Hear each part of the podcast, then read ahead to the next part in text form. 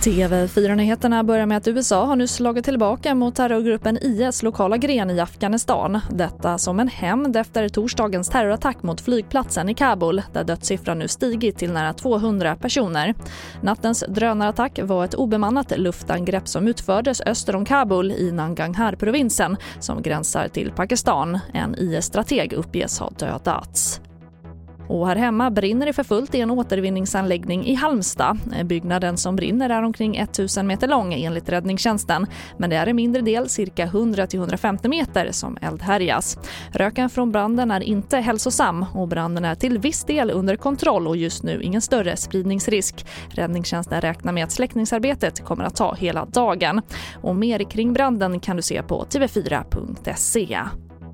Och igår hölls tv-branschens stora gala Kristallen. SVTs dramaserie Den tunna blå linjen vann pris för årets bästa tv-serie.